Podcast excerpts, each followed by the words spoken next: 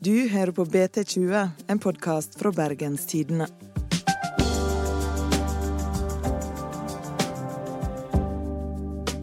Vi har fått ny regjering, men vårt politiske team Frøy Gudbrandsen og Jens Kiel syns den er kjedelig, blass og beige. I dagens episode av BT20 får du høre hvorfor.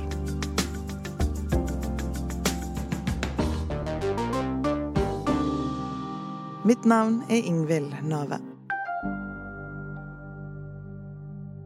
Velkommen hit, kommentator Jens Kiel og politisk redaktør eh, Frøy Gudbrandsen. Hallo. Hallo. Takk, takk. Hei. Nå har vi endelig fått en ny regjering, og eh, hva syns dere om den? Er den bra? Vi får si som Hareide, vi gir oss selv terningkast fem, og den omtrent like mye. Ja. Hva, hvordan vil dere skildre den regjeringa vi har fått nå?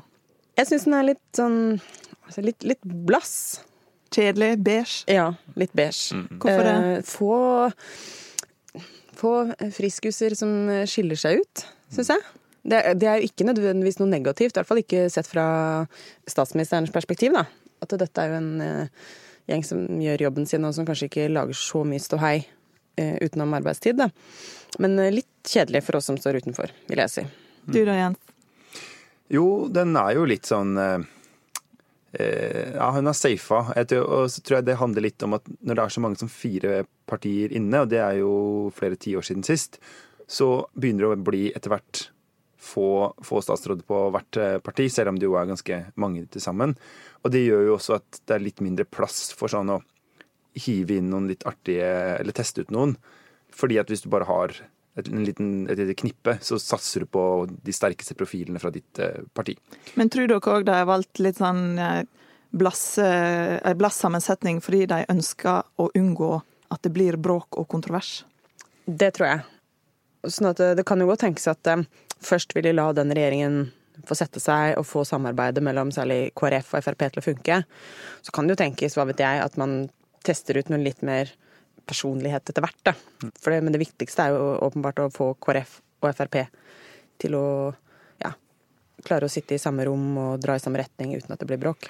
Men sånn sett er det f.eks., tenker jeg da, rart at de eh, ikke hadde plass til Bård Hoksrud, som eh, har vist seg, etter hva jeg kan skjønne, som en, en habil fagstatsråd altså på landbruksfeltet. Og i tillegg så sier jo alle jeg snakker med at han er en, en absolutt en samarbeidets mann og en som er god å prate med. Og han har jo nå han har vært eh, stortingsrepresentant i mange, mange år, statssekretær, eh, og så inn som eh, statsråd. Og, og, men en som kan gi en regjering litt mer farge, fordi han tør å være seg sjæl og tør å si det han mener. da. Men hvorfor har han måttet gå da? Jeg tror at det er så enkelt at uh, den posten som han hadde, den skulle gå til KrF. Ja. Og så måtte han ut, og så var han kanskje ikke så viktig at de måtte omplassere han, da. En av de store regjeringsnyhetene denne veka her for oss på Vestlandet var overskrifta 'Sexolog debuterer som statsråd for KrF'. Da ble det så klart referert til den tidligere finansbyråden i Bergen, Dag Inge Ulstein. Hvor viktig er det at han har kommet inn? Jeg tror det er kjempeviktig av flere grunner. For det første så er han en veldig dyktig politiker. Eh, som mange tror på har en karriere i KrF. Men like viktig er det kanskje det at han tilhører rød side. Eller han gjorde det i retningsvalget i høst, da. Eh, og en person som både blå og rød side liker. Blå side her i Bergen. Kjempebegeistra for at han kommer inn i regjeringen, og opplever han som samlende. Og så trenger rød side eh, et håp, mener jeg da. En person som de som, som åpenbart vil få en viktig posisjon i partiet i framtida. Eh, og at han nå en, kommer inn i regjeringen og viser at liksom, ja, jeg tapte, men jeg ser en fremtid for partiet. Det tror jeg er kjempeviktig. Men er han virkelig sexolog? Han har jo Nei, nei han, er ikke, han er ikke det. Litt Men, kjedelig. men det, er jo, okay, det er jo for gøy, da. Ikke sant? Her har du fyren som ville søke misjonærstilling, og som endte opp med en helt annen jobb. Altså, eh, her føler jeg at eh, om det ikke er helt sant at han er sexolog, så syns jeg VG gjør jobben sin. Ja. Ja.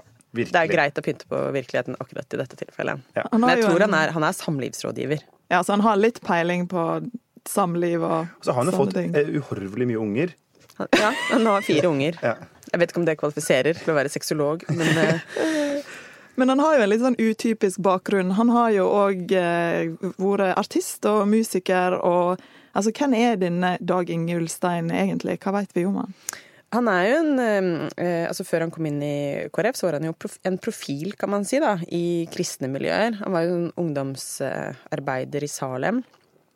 Eh, og var jo, ja, hva skal man si, eh, en sånn halvkjent person i en del kristne miljøer. Og så kom han inn som rådgiver for Philip Rygg her i Bergen, da, bergenspolitikken for noen år siden.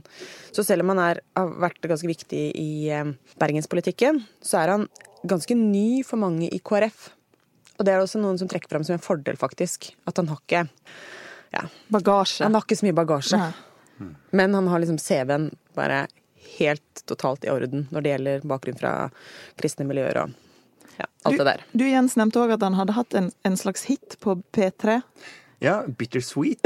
Så jeg tror det kom i noe sånn 2012 eller noe, og som lå på min, eh, min sommerspillerliste det året, faktisk. Eh, Og den, jeg syns den er litt fengende. Altså, Vi må faktisk høre litt av denne hiten til utviklingsministeren. Her er den Electric City med Bittersweet.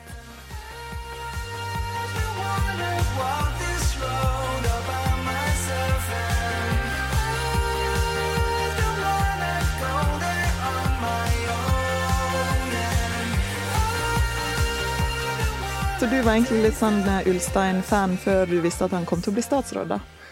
Ja, men han har jo et Vi får si sånn vinnende vesen og eh, er jo på en måte Altså, man snakker veldig mye ofte om, eh, om karismatisk eh, kristendom, uten at alle som er derfra, er så veldig karismatiske som personer. Men han er jo faktisk en fyr som jeg tror kan, kan snakke om KrF-politikk på en måte som gjør at flere forstår. Han har jo litt sånn hva skal man si, litt sånn popstjerneaktig ved seg.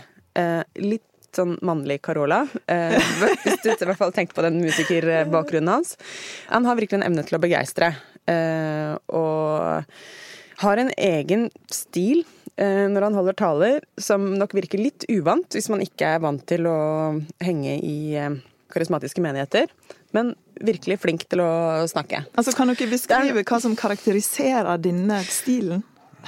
Det er litt sånn manende og veldig sånn eh, den, Du lener deg liksom fram over talerstolen og skal virkelig ha med folk. Ja. Eh, Og følelser er kanskje viktigere enn akkurat det å ha Bygge grafer veldig, og altså Det er veldig sånn uh, Regulere tempo, bygge opp til et høydepunkt og liksom Ja.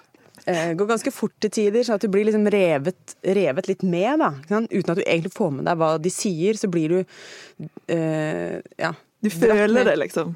Ja, du føler det. Og det er litt sånn som det, er, sånn som det skal være i, eh, når man holder en preken. Da. Du skal jo liksom kjenne det åndelige. Og så er det ikke alle ordene som går liksom rett inn i, liksom, inn i den der at du klarer å få med deg hva de sier, men du blir revet med likevel. Og, den, og det, det fins jo i altså, Ja, det er jo taleteknikker som brukes andre steder òg. Men, Men, jeg eh, tenker at jeg har oftere hørt det mer på SUs sommerleir enn når jeg har vært som politisk journalist på Høyres landsmøte. Ja, enig. For der er det jo bare tall og fakta og grafer og en NOU fra 92 som sier noe om bakgrunnen. Men jeg insisterer likevel på at det er noe, at det er noe særegent eh, religiøst over hans måte å tale på. Selv om jeg ikke klarer å uttrykke det så godt med ord, så det må sikkert bare oppleves.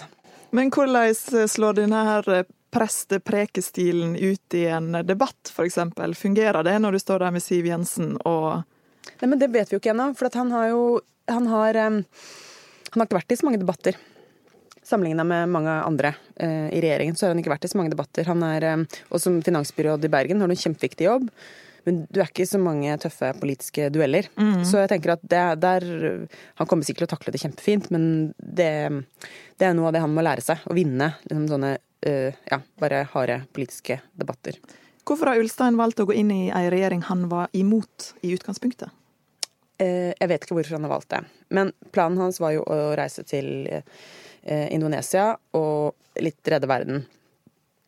Og hvis du da får eh, tilbud om å være utviklingsminister, der du ikke kan måtte, bare gjøre en innsats personlig, men faktisk ha et kjempestort bistandsbudsjett som du kan styre, så Det er på mange, det er på mange titalls milliarder Ja. i Norge. så har du mye større mulighet til å redde folk og ja, alt mulig annet. Så jeg tenker at det er en veldig rasjonell beslutning. Når du, når du ønsker å jobbe internasjonalt da, for å gjøre verden bedre, så er det rasjonelt å takke ja til å være utviklingsminister, selv om Frp er med i regjeringen. Og så tror jeg at iallfall det vi har hørt da, fra kilder på rød side i KrF, er jo de veldig veldig gjerne ønska seg han. Mm. Sånn at det har vært et tror jeg et ganske sånn betydelig press på han til å si ja. For da det var klart at ikke Hareide ønska å gå inn i regjeringa, som jeg tror er veldig klokt både for han og for regjeringa, ikke minst, mm. Eh, så var det mm, Dag Inge Ulstein de ønska seg aller mest fra den sida. Så de som folk på rød side har hatt et sterkt ønske om at han skulle gå inn i regjeringen, selv om ikke de ville gjøre det sjøl, så har de liksom De er veldig glad for at han ja. har gjort det. Og det tror jeg også er veldig konfliktdempende. Fordi det er klart, hvis, hvis alle pekte på han, og så var det en, en tredje person som gikk inn i regjeringa i stedet for, så hadde det nok blitt enda mye mer sånn eh, frustrasjon på rød side. Men nå har de på en måte fått den de ønska seg. Er det han som på en måte skal prøve å samle KrF eh, sine folk igjen? Jeg vet ikke om jeg ville dratt det så langt, men han kan kanskje ha en litt sånn ja, konfliktdempende effekt, da. Det kan jo ikke skade da at han har bakgrunn som samlivsterapeut. Heller. Passer kjempegodt. så oppsummert så har dere egentlig ganske god tro på Ulstein som eh, statsråd i denne regjeringa? Jeg tenker at Hvis jeg skal trekke fram en, liksom, en ting som jeg er usikker på, da, så er det jo det Er han, er han nok av en slugger? Fordi du skal eh, fighte knallhardt mot tre andre partier og mange andre fagfelt mm. på budsjettkonferansene. Har du spisse nok albuer til å måtte, virkelig klare å klesse ned de andre mm. og få penger til ditt fagfelt, det er, ikke, det er, ikke, så lett å vite før man har sett folk i aksjon, da. Nei, men jeg hørte rykter om at han eh, vanligvis er kjempeenkel å ha med å gjøre, men at han, eh, når det drar seg til, at han har den siden, da. Men at i bypolitikken så har du ikke sett den så veldig mye ofte, men blant annet i bybanesaken så eh, har han liksom, ja, sagt at eh, her går det faktisk en grense. Så jeg tror han har det i seg, da. Men det blir jo, han trenger det bare Men har han nok av det, da? Mm. Det vet jeg ikke. Nei.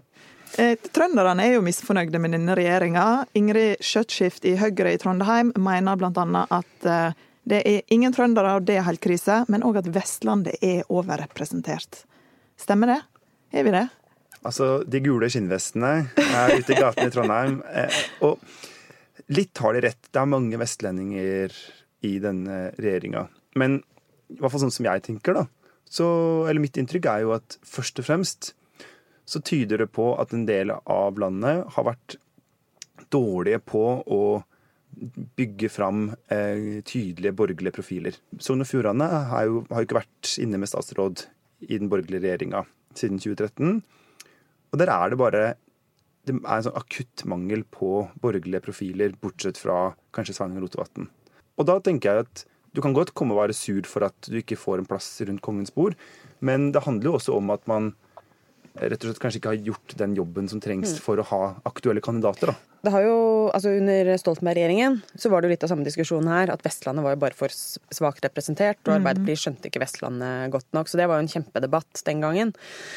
Så sånn sett så Jeg skjønner jo at, de, at uh, trønderne ikke liker at ikke de har noen regjering, men så er det også sånn Det er første gang på 20 år, og da tenker jeg to år uten Kanskje Det får de tåle. Det får de tåle, tenker jeg. Men jeg skjønner det jo litt òg. Eh, at de er eh, sure, da. Det er jo men, Norges nest, en tredje største by som er der oppe. og... Ja, men de har jo hatt mange ganske synlige, sterke folk i regjeringen før, da. ikke sant? Børge Brende, for eksempel, og Linda Hofstad Helleland som gikk ut nå. Det er ikke sånn at de ikke har hatt folk eh... Per Sandberg gjorde litt ut av seg. Han gjorde litt ut av seg. ja.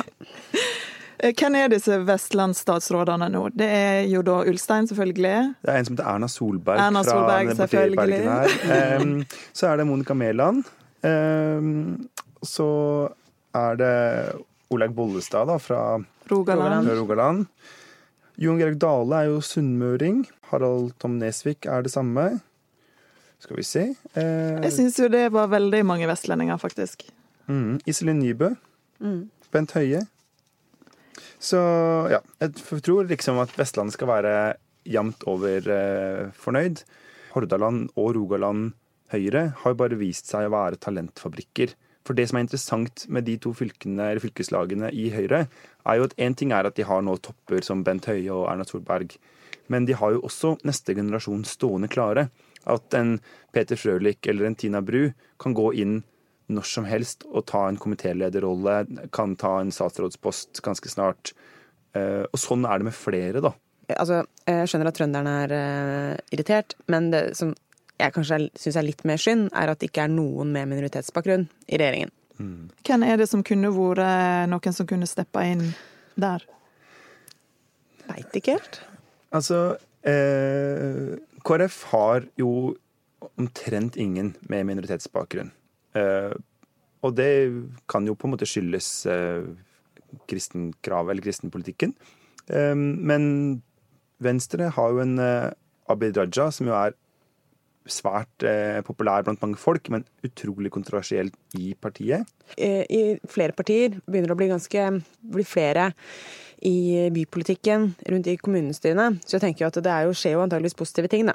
Men uh, uten at jeg liksom vil peke på én person som ble forbigått, så tenker jeg at det er likevel sånn Det er et problem, da. Og så er det litt sånn at hvis nå har det gått eh, snart seks år av, med Erna Solberg som statsminister. Og hvis hun tenkte fra starten jeg har ingen akkurat nå som kan ta den rollen, mm. men jeg er nødt til å bygge opp en del profiler, sånn at jeg om noen år har folk på plass. Ja. Så tror jeg at man har kunnet greie det. For det er ikke umulig å bli statsråd i Norge. Det er, ikke en, altså det er en, krevende oppgave, men, men, eh, det er mulig å gi folk den tyngden som trengs.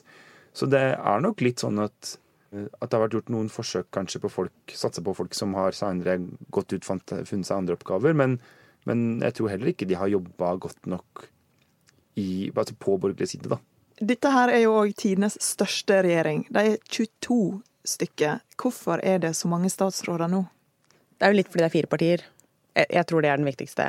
Mm. Eller ja, det er derfor, da. Uh, og så tenker jeg at det er ikke et uh, veldig stort problem. Men uh, det er jo De kan liksom ikke fortsette bare på stadig flere flere, flere statsråder. Jeg trodde de skulle kutte i byråkrati, men her peser jo regjeringa ja, ut. Men det er jo Ernas eh, argument er jo at det blir ikke flere departementer. Eh, så det er flere statsråder bare innenfor samme departement. Så det er ikke, sånn at, det er ikke sikkert liksom, hele byråkratiet vokser så sinnssykt mye. Men hvis du legger til rådgiverkorps og på en måte politisk ledelse generelt, da, så er det jo. Ikke helt eh, ja, ikke riktig utvikling. Jeg må si at akkurat av alle de debattene som har gått om denne regjeringa, så det minst interessante, syns jeg, er at det har blitt 22 stykker. Altså det er litt sånn om det er 20, 21, 22, 23 Det har ikke egentlig noe å si i den store sammenhengen. Og hvis det f.eks. gjør at, at, det blir lettere å få til enigheter der, så er det en ganske lav pris å betale. Og jeg tror også at eh, folk der ute dette er ikke det de bryr seg om. på en måte. Sånn at det, er, det, blir en avsporing av de viktige spørsmåla. Altså, hvis vi skal diskutere hadde det vært bedre for Norge med to statsråder færre, i stedet for å diskutere f.eks. innholdet i regjeringsplattformen, mm. som jo er en ganske mye viktigere ting for eh, vanlige borgere, da. Hvem av statsrådene er dere mest spent på hvordan det går med? Olaug Bollestad, kan jeg si det? Ja, fordi det er ikke mer enn et halvt år siden jeg ikke ante hvem Olaug Bollestad var, og nå er hun statsråd. Ja, så jeg har jo visst hvem hun var, men um, hun er jo uprøvd på det nivået. Så jeg tenker, Og så er det en ganske viktig felt for eh, KrF, landbruk. Når det gjelder kampen eh, mot eh, Senterpartiet. altså KrF og Senterpartiet utveksler jo en del velgere. og det er klart at det, eh, hvis KrF skal få det til å klare å vokse eh, i samarbeidet med Fremskrittspartiet, så tenker jeg det å liksom, lykkes i en mer tydelig distriktsprofil er viktig for dem. Og da blir jo Bollestad litt viktig der, da. Mm. Så jeg er faktisk litt eh, spent på henne. Mm. Jeg tenker jo også at eh, Jeg er jo kom ut av skapet som eh, digitaliseringsministerentusiast i stad. Men det er jo litt sånn farlig med sånne Johan uten land-statsrådsposter, fordi det funka jo egentlig ikke noe særlig med Åse Michaelsen som folkehelseminister. Ennå ingen som har skjønt hva hun driver med. Hun har jo fått videre tillit, da. Men mm. Eh, jeg tror at her også så Det å starte helt fra scratch og skulle prøve å bygge opp et sånn en sånn portefølje som ingen helt forstår hvor kommer fra, eller hva skal gjøre. Eh, vanskelig for opposisjonen kanskje å kaste seg inn i debatter med digitaliseringsministeren, så det er vanskelig å helt komme på i Dagsnytt 18 og sånt noe. det er også en sånn oppgave som det kan bli veldig bra, men det kan også bli litt sånn innholdsløst. Um, ja. Det har jo vært litt spekulasjoner i om denne regjeringa med fire uenige parti i lag kan klare å sitte i to år. Men nå når dere har sett mannskapet, tror dere det går? Altså etter å ha sett den nye regjeringen, da, så er jeg faktisk mer tilbøyelig til å tro at de blir sittende. Fordi Det er- de er så kjedelige? Ja. Det er, det er ikke sånne Disse lager ikke noe Det blir ikke noe tøys med disse her. Nei, dette er eh, Dette er liksom 22 sosialdemokrater fra alle mulige partier. Ja, Det blir spennende å se. Tusen takk for at dere kunne komme, Jens og Frøy. Takk. Det var ukas episode av BT20. Vi er tilbake neste torsdag. Produsent for podkasten er Henrik Svanevik. Og mitt navn er Ingvild Nave.